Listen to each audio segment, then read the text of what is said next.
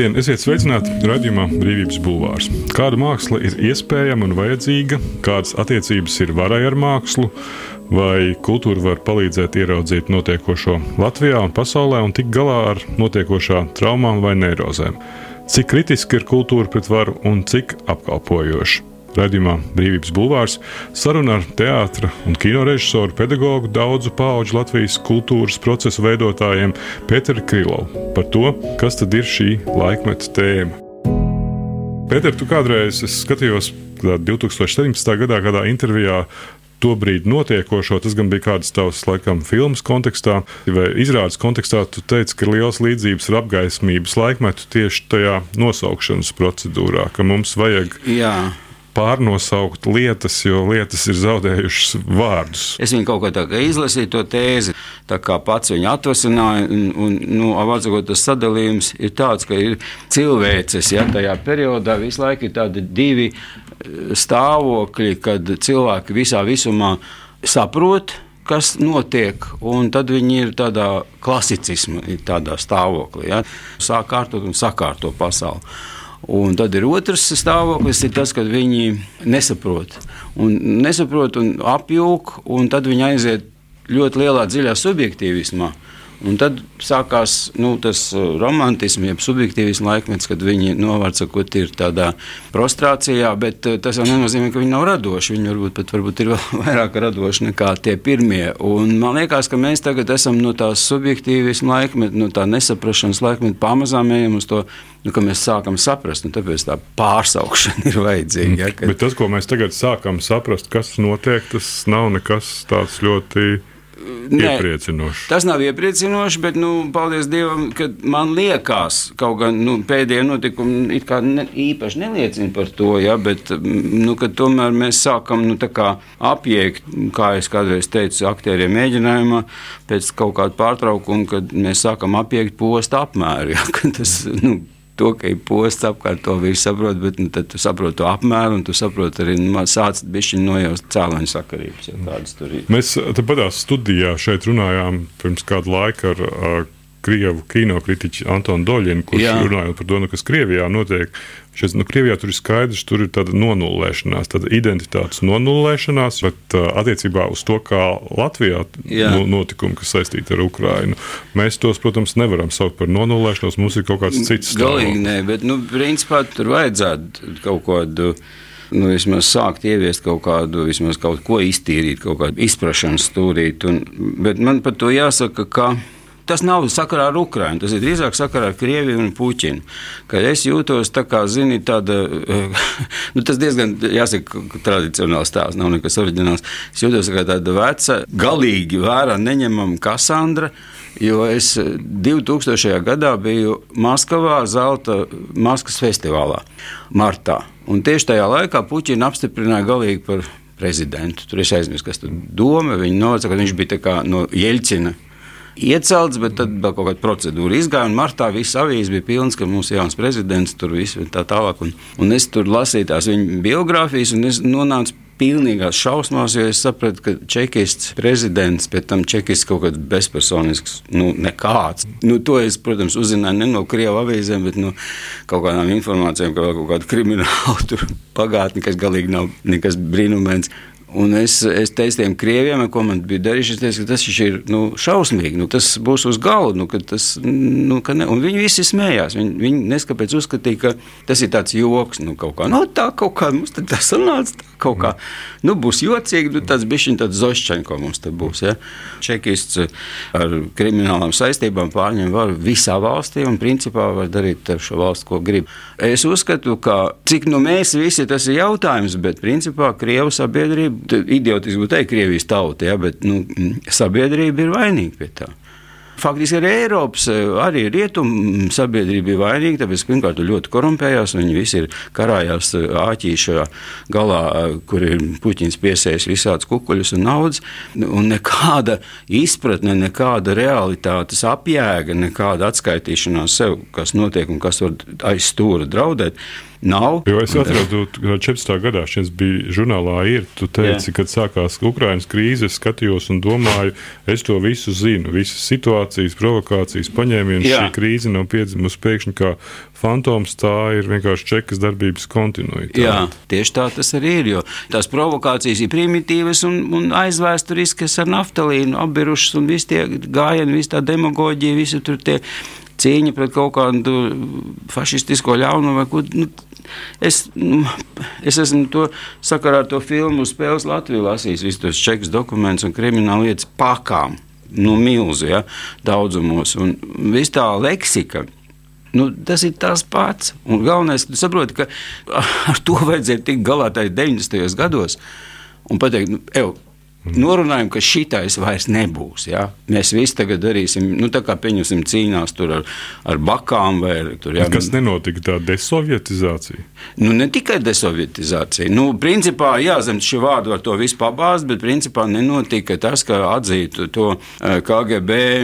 Un ne tikai noteikti tādu sēņu veidojumu, jau bija arī citi tādas metastāsts, bet, nu, principā KGB eh, tā visu šo summāru, šo politiku paņēmienu, šo smadzeņu ietekmēšanu un cilvēku padarīšanu atkarīgiem no institūcijas, kurai nav vispār nekāda, kas viņi ir. Viņi taču nav ne valsts, ne saimniecība, viņiem nav ne ekonomiska pamata, ne ideoloģiski pamati. Viņai nav nekas izņemot to, ka viņa moči smadzenes un padara cilvēkus par atkarīgiem un par uh, vajājamiem, un uh, kuriem nav instrumenti, kā nu, tam pretoties. Ja to nenoskaidro, ka tas tā ir, tad mēs esam tur, kur mēs esam. Es runāju ar vienu prokuroru, kas 90. gados Inta Stabulniece.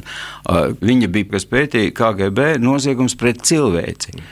Tas ir atsevišķs stāsts, bet viņa pēc tam teica, ka viņi ir mākslīgi, šī grupa ir aiztaisīta ciet un likvidēta. Viņai aizliedz to turpināt. Tas bija 90. gadu beigās, man liekas. 95. Jā, gads. Jā. jā, pēc tam viņi tieši stāstīja tur, ka tas ir bijis tāds. Um, stipri no augšas nolaists lēmums, jo norēģēja gan prese, gan rādio. Viņi drusku viņu apsūdzēja kaut kādā negodprātīgā rīcībā. Režisors un pedagogs Pēters Kilovs 75. gadā absolvēja Maskavas kinotogrāfijas institūtu. Un viņa debijas kino bija vēsturiska filma, 77. gadā uzņemta un rases lāsas rītausmā. No 91. gada Krilovs strādāja Daugopils teātrī kā pedagogs un režisors, un mākslinieckais vadītājs bija Startautiskā jaunā teātris institūta Hamonovs direktors un viens no Latvijas jaunā teātris institūta izveidotājiem. Vairāk nekā 20 gadus strādā kā profesors Latvijas Kultūras Akadēmijā. Tu man šeit pats biji kaut kad teicis par to, ka strādājot ar studentiem, tev bija liels pārsteigums sākot strādāt ar studentiem par to nebrīvības pakāpi, kas Jā. viņos ir salīdzinājumā ar to, paudzi, kura dzīvoja totalitārā režīmā. Zini, jā, bet man jāsaka, ka konstatācija, tie fakti, ir tādā regresijā. Jo, piemēram, es sāku strādāt vēl padomju gados Daugopils teātrī ar Daugopils kursiem. Mēs sākām, es atceros, ka pirmais kurs, kur mācījās Ģits Krūmiņš un Indra Roga un tur viss tā kompānija Makovskis un Vigo Roga, Dainis Umišs, ka viņi, viņiem bija PSRS vēsture, viņi gāja tur kaut kā tur par marksismu, ļeņinismu atbildēt Daugopils Daugopils universitātē uz eksāmeniem. Tās pārmaiņas, tā atmoda tajos cilvēkos raisīja uz kaut kādu brīdi tendenci tomēr nu, būt brīviem. Ja? Viņiem bija interesanti strādāt, jo mēs tā kā reizē nu, tā kā metām čaulas nost un atbrīvojamies. Un, protams, bija hauss un, un šausmas, un, protams, kas bija pretlīdzeklis šai burvīgai tādai eiforijai par brīvību, tā bija nabadzība. Ja? Tad, tad brīvības eiforija plus nabadzība, mm. tas bija Daugavpils saka, tāds kondīcijas simbols. Jā. Bet man pārsteidz, ka tagad, piemēram, nu, ar vienu, ar vienu, ar vienu eh, cilvēki nāk ar tādu atkarīgu domāšanu un ļoti eh, gataviem priekšstatiem. Pie tam es tur varētu saukt visādas lietas. Man tur bija viens interesants piedzīvojums, kā viens puika taisīja. Viņam vajadzēja uzfilmēt tādu izteiksmīgu dialogu ainu, un viņš paņēma no Orvela 84. un taisīja to nopratināšanas skatu. Tad es tā kaut kā izslēdzās uz kādu pusstundu. Es, es nesaprotu, ko es viņam stāstu. Jo es saprotu, ka viņš. Nu, kā tīra mans ir paņēmis. jā, viņš, jā, viņš vienkārši tur tādu, tādu kolēģiālu sarunu. Nu, tur izmeklētājs runā kolēģiāli ar to, ar to apsūdzēto, un nu, tā spriež tur un tā. Ja. Un es nesaprotu, ko es tagad tam puikam izstāstu tādu. Nu, es nevaru izstāstīt viņam pusstundā vai pat stundā to, ko es zinu, un par ko tas darbs ir un kas tur apakšā stāv. Viņš nāk, bet viņam ir tāds priekšstats. Nu, labi, tas vēl būtu tā, ka saka, priekšstats ar tādu vienkārši viņam nav aizpildījies, bet ir jau tāda parādība, kas tagad ir ļoti, ļoti izplatīta. Man viņa uztrauc, un es esmu tā tāds arī kā Kasandra. Ja? Jau vēl vecāka Kasandra brēkuļoja daudzās pedagoģiskās sanāksmēs, ka tagad jauni cilvēki ir šausmīgi didaktiski, ka viņi visos savos atcerējumos, scenārijos un, un iecerēs uzreiz moralizē. Nu, viņi tā paņem kaut kādu situāciju, tur vienalga, tur, nu, protams, lai būtu konflikts situācija kaut kāds tur. Un tūlīt nākošajās lapas pusēs jau ir tā, ir redzēt, ka tā nevar redzēt, ka tas ļaunums tiks sodīts, ka tas tur tā tālāk. Un es viņam saku, kāpēc? Un taču interesantāk ir tā, ka jūs to ļaunumu nevis uzreiz nosodat, bet jūs izprotat. Nu, no kurienes viņš nāk, kas viņš ir? Varbūt, ka tur ir, varbūt, ka jūs nepareizi viņu vērtējat, varbūt, ka tur vajag, nu, vienalga, nu, kaut kādā veidā. Cēlons, izglītības sistēma, Jā. laikmeta. Nē, nu, tā ir ne tikai izglītības sistēma, tā ir politiskā stāja, tā ir valsts ideoloģija, kuras nav. Es domāju, ka Latvijai valsts ideoloģijas nav. Un cilvēki vienkārši, nu, kā jau saka, viņi, e, kad piedzimst un izveidojas par kaut kādām apzinīgām būtnēm un pilsoņiem un sāk apiekt, tad viņi saprot, ka viņu galvenais pienākums ir nesarūktināt valsts. Bet ko tu saproti, valsts ideoloģijas nav? Nav nekādas tādas, nu, kā lai pasaka, nu, neatbild uzreiz, tāpēc, ka es saprotu, ka jā. tur ļoti gari būtu, jā, bet vienā vārdā tas būtu ļoti plašā nozīmē izprasta bauslība. Nu, kā vārds sakot, ir, mēs dzīvojam priekš tam, un mēs darīsim Teiksim, tā, kas tagad ir stihiski un, diemžēl, ar ļaunu, bet kas ir Ukraiņa notikusi. Ukraiņam šobrīd ir bauslība. Viņi nu, dzīvo. Mums uzrakstījis satversmes preambulu. Nu, labi. Jā, par kuru arī starp citu visu laiku ņemšanās, jo katrs tur to visu kaut ko tulko. Tāds bišķiņš zina, tā kā Jēzus laikā tur tie farisēji, ja tur ņēmās ap, ap toru, vai ne tā, mums ar to satversmi, ja, ka tur kaut ko tur meklē, kaut kādas tur komandas. Mm. Iespējams, vēl tālajos padomju režīmu gados, skumīgi apcerot latviešu spēļu filmu pavājo scenāriju līmeni, es nonācu pie atziņas, pat varētu teikt, atklāsmes. Ja praktiski ik viens latviečs sāktu godīgi, bez aizturs, izlikšanās un izpušķošanas stāstīt par savu vai savas dzimtas dzīvi, tā noteikti būtu daudz reizes spēcīgāka, negaidītāka un nesakonstruētāka dramaturģija nekā statistiski vidējā filmu scenārijā. Tā savulaik portālā Kino raksti rakstīja Pēters Kilovs.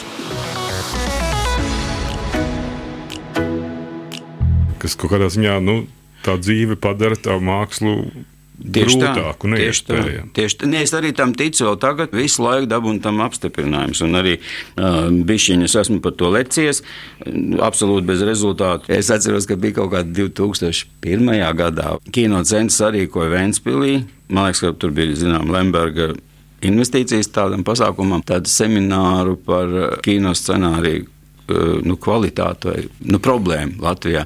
Un man, man vajadzēja moderēt viņu. Tas bija ļoti grūts darbs. Mēs tur veselu dienu strādājām, es tur biju pilnīgās putās. Bet bija interesanti, bija ļoti interesanti. Dažādi cilvēki tur runāja un tā tālāk.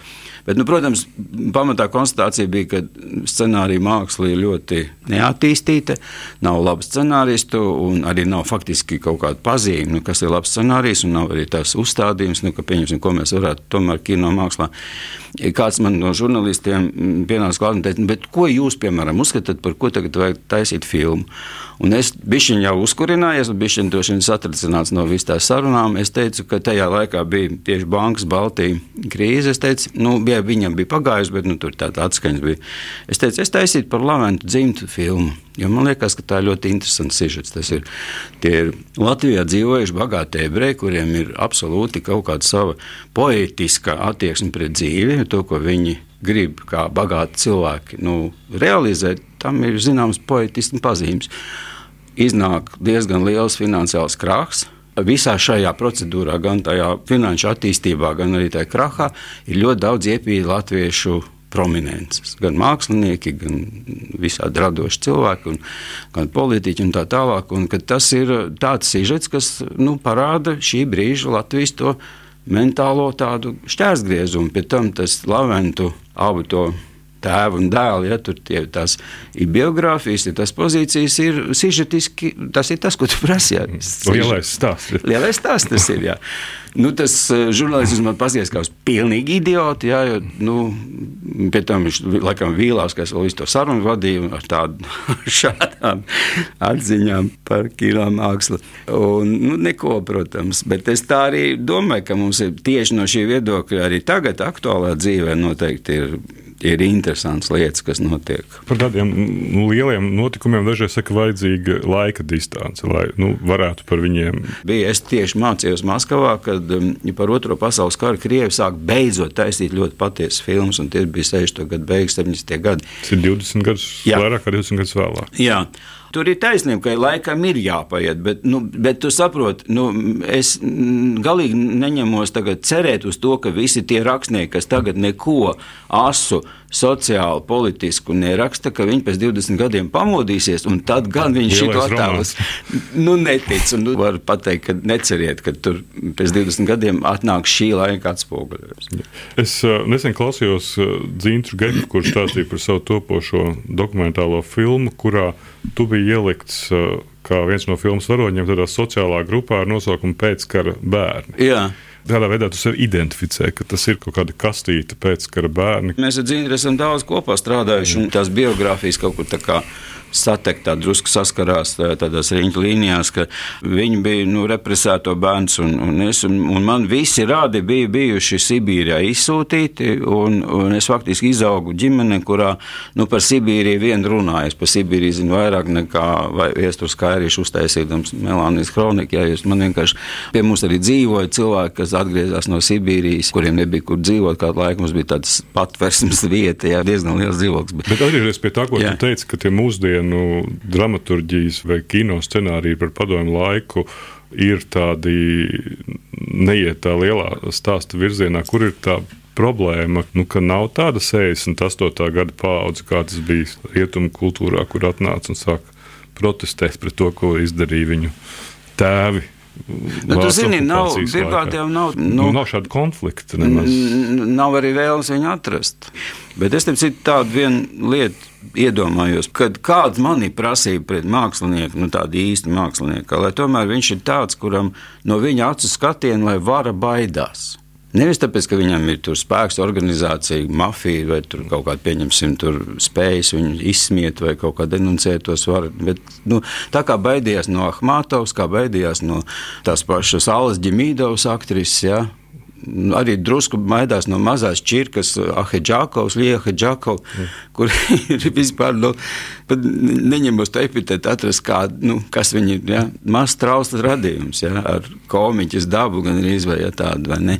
Un viņi pasaka, un, un neko, un visi tā kā raustās. Nu, es vīrieti nevien, nevar atrast, nu, droši vien nebaidījās no Visotska kaut kādā, es domāju, ka viņš arī bija sapīts tīklos tā, kad arī viņu baidīja un, un korumpēja. Es, citu, es atceros, ka padomju gados, tas ir interesants piemērs, mēs padomju gados, es pēc vienas filmas sadraudzējos ļoti ar Helgu Dansbergu, un, un mēs tur, visādas bērnu balīdzes bija, visu kaut ko draudzējāmies un runājām. Un mēs kaut kā nu, arī par to kolaboracionismu latviešiem un, un arī par kaut kādu čekas to spēku ietekmēt un apstrādāt, šantažēt. Un tad tā, nu, bišķiņ smieklīgi, jo tad pēc jau neviens jau nebija no mums nekāds tāds baigais svētais vai svētulīgs cilvēks, vai ne, bet mēs izstrādājam tādu tēzi, ka ļoti morāli augstu cilvēku čeku nevar šantažēt, jo, jo parasti šantažē un apstrādā tos, kuriem kaut mazākais nu, mazākais melnumiņš. Nu, pieņemsim, tur nezinu, viņš krāj monētas, vai, vai viņam ir kaut kādas seksuālas īpatnības, intereses, vai viņam ir, nezinu, tur pieņemsim pat kaut kādas nu, absolūti tādas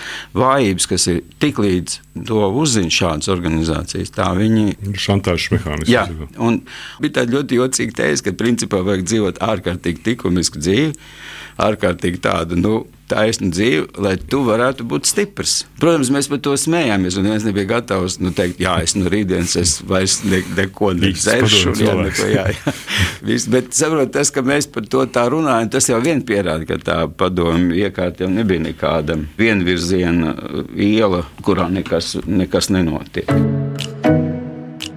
Radījums Brīvības Bulvārs. Sarunas par to, kas notiek un ko mēs par to varam domāt. Studijā saruna ar režisoru un pasniedzēju Pēteru Krilovu. Nu, Kanu festivālu tur satricināja atklāšanā Zaļenska runa, kas, Jā. kuras arī to vienu citātu te izrakstīja, ka šis jau ir Eiropā briesmīgākais karš kopš otrā pasaules kara, un pirmkārt tajā vainojams viens cilvēks Maskavā. Mm, cilvēki iet bojā katru dienu, un viņi neiedzīvosies pēc rāzes. Paldies, uzfilmēts. Runāja Zaļenskis, bet eh, ko mēs dzirdam tagad, vai kino klusēs, vai tomēr runās. Ja ir diktators, ja ir karš par brīvību, un ja atkal tāpat kā toreiz viss atkarīgs no mūsu vienotības, vai kino paliks eh, malā. Vēlreiz tas pats Jā. jautājums par, par ko tad ir tā māksla Nu, kur tad ir tā drosme? Nu, Zilā mākslā jau nav drosme, teiksim, nu, tad nu, noskaidrot politiskās intrigas un viņas par viņām stāstīt. Kaut gan tas, arī nemaz nav. Tas pats žurnālisti jautājums, ko tev te Ventspilī to uzdod. Bet, starp citu, es taisni nesen sakarā ar ko dzirdēju man kādreiz bija ļoti tāds favorīts rakstnieks Anglijam, tas Grēms Grīns, kurš bija pats bija slepeno dienestu nu, darbinieks, man liekas, Eimājas Stiks, viņš strādāja, un viņa romāni ļoti, nu, ar šādu oderīti, vairāk vai mazāk, un viņam ir slavens romāns, kas ir sen aizmirsts, kaut kā bija ļoti laba filma pēc tā romāna, tas klusais amerikāns. Un tagad pēkšņi sakarā ar politiku Ukrajinā un ar visām tām amerikāņu un Eiropas spēlītēm ap Ukrajinu un ap, ap Zelenski un ap Krievu terorismu tajā Ukrajinā. Viss Pēkšņi, jūs zināt, ka bija tāds romāns, klusais amerikānis, un tur un tā, un tur tas viss bija attēlots, ka lūk, šie slepenie dienesti cilvēki tur sarīko kaut kādas sprādziens un kaut kā nezinādam, nedomādam, uz ko viņi strādā un kādas milzīgas reakcijas izraisīs. Jo tas klusais amerikānis par Vietnamas karas dīgļiem, kad vēl nebija karš, bet kad bija tā, tas duālās attiecības starp ziemeļiem un dienvidiem. Un tagad pēkšņi atcerās to Grēmu Grīnu. A, kur tagad ir Grēms Grīns? Tāda nav. Saproti? Un tas ir tas, kas man liekas, uh, iedomājieties, tas romāns bija uzrakstīts uh, nu, pa karstām pēdām. Viņš man liekas, bija paralēli mm, Vietnamas kara sākumam. Un izrādās, ka tās parādības ir ar vienu cikliski atkārtojās. Bet, arī pie varas un politikas, vai tas tev bija kaut kāds pārsteigums, vai tā bija likumsakarība, ka, ka šajā Ukraiņas karā tieši aktieri, kā Aristovičs, kā Zaļenskis, bija tie, kuri vēl aizvien spēlē kaut kādā nu, zināmā līmenī. Nu, es to. Citu, kad, kad Zelenskis nāca pie nu, varas, par lomu. Jā, jā, jā nē, Zelenskis nāca pie varas. Es uz viņu skatījos kā uz aktieru, kurš mācās spēlēt prezidentu. Un es pat noķēru dažādas viņa paņēmienas, kā viņš sevi nu, organizēja. Viņš balsi bija viņa mainīja, viņš strādāja pie tādas vīrišķīgākas balss, lai viņš tādā iespējīgāks, jā, viņš tā pierūca, jā, kaut ko, ko viņš tagad arī dara. Tagad tas viņam jau iznāk diezgan organiski, jo tā viņš tos tekstus runā, ko viņš tagad runā, tad tā zemā nosēdinātā balss, un kā lai tas saka, tāda aktualizēta maskulinitāte, ja, kur, nu, mēs, ziniet, veči karojam, ja, un pret mm. ko jūs paši saprotat, pret ko mēs karojam, tāpēc mēs varam runāt tādās mm. piezeminātās balsīs, Viņš spēlē to, bet redzi, nu, lai viņš spēlē, Lai viņš spēlē, jo acīm redzot, šobrīd nav vairs nekāda ne Roosevelta, ne tur, es nezinu, Kenedija laika, kaut gan tie arī principā bija aktieri savā tikai citādākā teātrī, ja, ir nodarbināti un tā, bet uh, nav tādu grandu politiķu laikmets nemaz. Ja paskatās uz visiem tiem šaucējiem, vai to Makronu, Jēziņu arī, nu, tas, ir, tas ir viens sūdīgs aktieris, ja, kurš nezina ne lomu, ne tekstu, ne kā uzvesties, nekur rokas likt. Ne? Un viņš iedomājas, viņš Franciju vadīja jau otro termiņu. Ja. Tas ir daudz sūdīgāks aktieris par Zelenski un Aristoviču. Bet vai Latvijā būtu jāmeklē nākotnes līderis? Eh, no, es vairs nemērķēju uz tiem, kuri jau šobrīd jā, ir nonākuši. Pieteikušies bija, jā, jā. Par to nevajag vispār domāt ja gadīsies prātīgs cilvēks, kurš diemžēl ir arī bijis aktieris, nu, ok, ja viņš ir prātīgs un ja viņš zina, lai viņš tāpat kā Zelenskis iemācīsies kaut ko darīt, tā nav problēma. Bet tas, ka mums ir vispār kāds jāmeklē, tā ir problēma. Ka mums nenāk cilvēki, kuri uzņemas godprātīgu atbildību par šo valsti tādā pilnā apjomā. Nu, kad, sakot, viņi ir gatavi uzņemties to vezumu un atbildēt par to vezumu un darīt visu, lai tur būtu labi. Nevis kaut kādas savas ļoti margināls intereses apmierina. Bet tu biji kaut kur teicis, ka viena no tām problēmām ir tieši tajā varas augstprātībā, ka mums ir jā, ļoti izteikti jā, augstprātīga jā, vara. Viņi interesējas par sevi, un viņi domā, un tas ir, tas ir arī zināmā mērā tas eh, rietumu civilizācijas blakus produkts, ka tā jau domā arī visur citur. Mēs neesam unikāli, ka viņi domā, ka cilvēki ir maziņi, drusku dūmi un drusku vadāmi. Paļauties uz viņiem nevar. Un ļoti bieži arī pierādās, ka nu, tiešām palaiž kaut kādu likumu vai kaut kādu tur, nezinu, regulu, un sākās bārdaks, haoss, vai jēziņi. Ne, tā nevarēja, nevajadzēja taču viņam ļaut tādas brīvības, un ne, tur viss aiztais ciet, un, un vairs, vairs nē.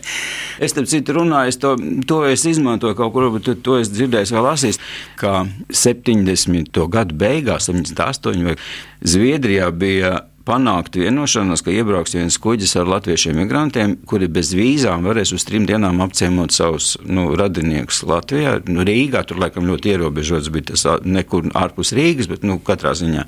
Un tur savācās diezgan daudz cilvēku. Un uz tā kuģa uzkāpa arī tāds, kā viņam bija vārds, Fredis, nē, Žanis Fonzovs, jā, Žanis Fonzovs, kas bija Eh, ja tu, ja tu atceries to sižetu par to lietu un vēsītas lokā, viņš bija tas jūrnieks, kas bija atvedis ar laivu tos divus džekus uz, uz Latviju. Izsēdināja, pie tam viņš ļoti viltīgi brauca. Viņš brauca pa dienu, kad pilns ar kuģiem un čekistiem, nu, nevis čekistiem, robežsargiem, un par nakti viņi gulēja virs ankura, jo tad viņus tur meklēja starmešiem, un tad, kad atkal uzaus rīts, viņi atkal atbrauc līdz krastam, izsēdināja, un tad viņš atkal tāpatās aizdzinās apakaļ.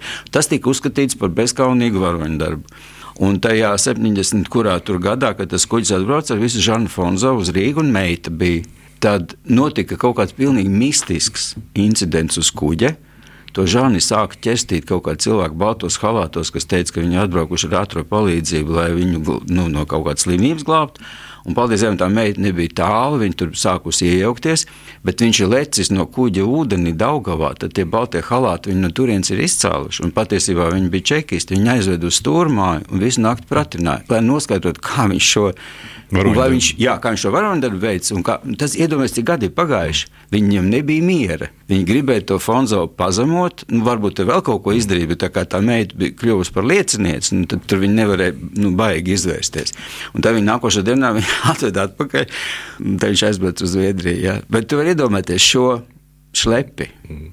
Un man arī viens čekis, ko es runāju, filmu sakarā, tāds uh, Andris Trautmans, viņš stāstīja, ka viņš ir beidzis universitāti ar ļoti labām svešvalodām un uzaicināts nu, arī kaut kādos 60. gadu beigās strādāt. Ja. Nu, viņš bija tajā Berlīnē, manuprāt. Jā, jā strādāja. Berlīnē. Viņš, jā, bija, jā, viņš arī jā. tur par Latvijas kultūru ļoti interesants. Tā, ļoti interesanti tā intervija bija. Bet viņš izstāstīja tādu faktu, ka tā, viņš sāk strādāt, viņam esot bijis jāizstudē visas iepriekšējās krimināla lietas, nu, varbūt ne visas pilnībā, bet nu, tās galvenās krimināla lietas, un jāzina dalībniekus, uzvārdus, notikumus, jo nekas, nekas nebeidzas.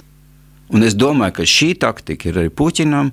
Nekas nebeidzas. Tas arī izskaidro, kāpēc tik ilgs laiks paiet, un šis revanšisms ir dziļi. Nē, un es domāju, ka arī tur, es domāju, ka Latvijas arī politiķi ir, ir bijuši uz āķa, un ir varbūt uz āķa vēl, vēl tagad, bet to, tas viss tā mistika ar Merkeli. Tā ir tomēr, nu, tagad viņu saista to, ka Puķins, nu, ne Puķins, bet KGB par Merkeli zināja to, ko nevajag zināt, un viņi bija atkarīgi. To mazo melnu viņa par ko teici. Nu, tieši tā, tieši tā. To, kas tagad notiek, to varēja izskaidrot. Pat nebūtu ļoti sarežģītā kompjutera programmā jāieliek visi dati un jāpalūdz, kāds būs rezultāts. Tas kompjuters iedot rezultātu, kad būs šausmīgs karš e, Eiropas vidienē ar līķiem, un, un nāves bailēm no atomieročiem. Tas, tas viss ir ieprogrammēts. Paldies! Paldies! Bija studijā režisors un uh, pasniedzējs Pēters Krilovs. Radījumu ierakstīja Toms uh, Šits un montēja Nora Mitspapa. Mans vārds Gins Grūbi. Paldies! Brīvība ir brīvība. Nevienlīdzība vai taisnīgums, vai kultūra vai cilvēks laime. Tā teica Iesai Berlīns. Sarunas ar brīvas apziņas un ideju cilvēkiem radījumā Brīvības bulvārs.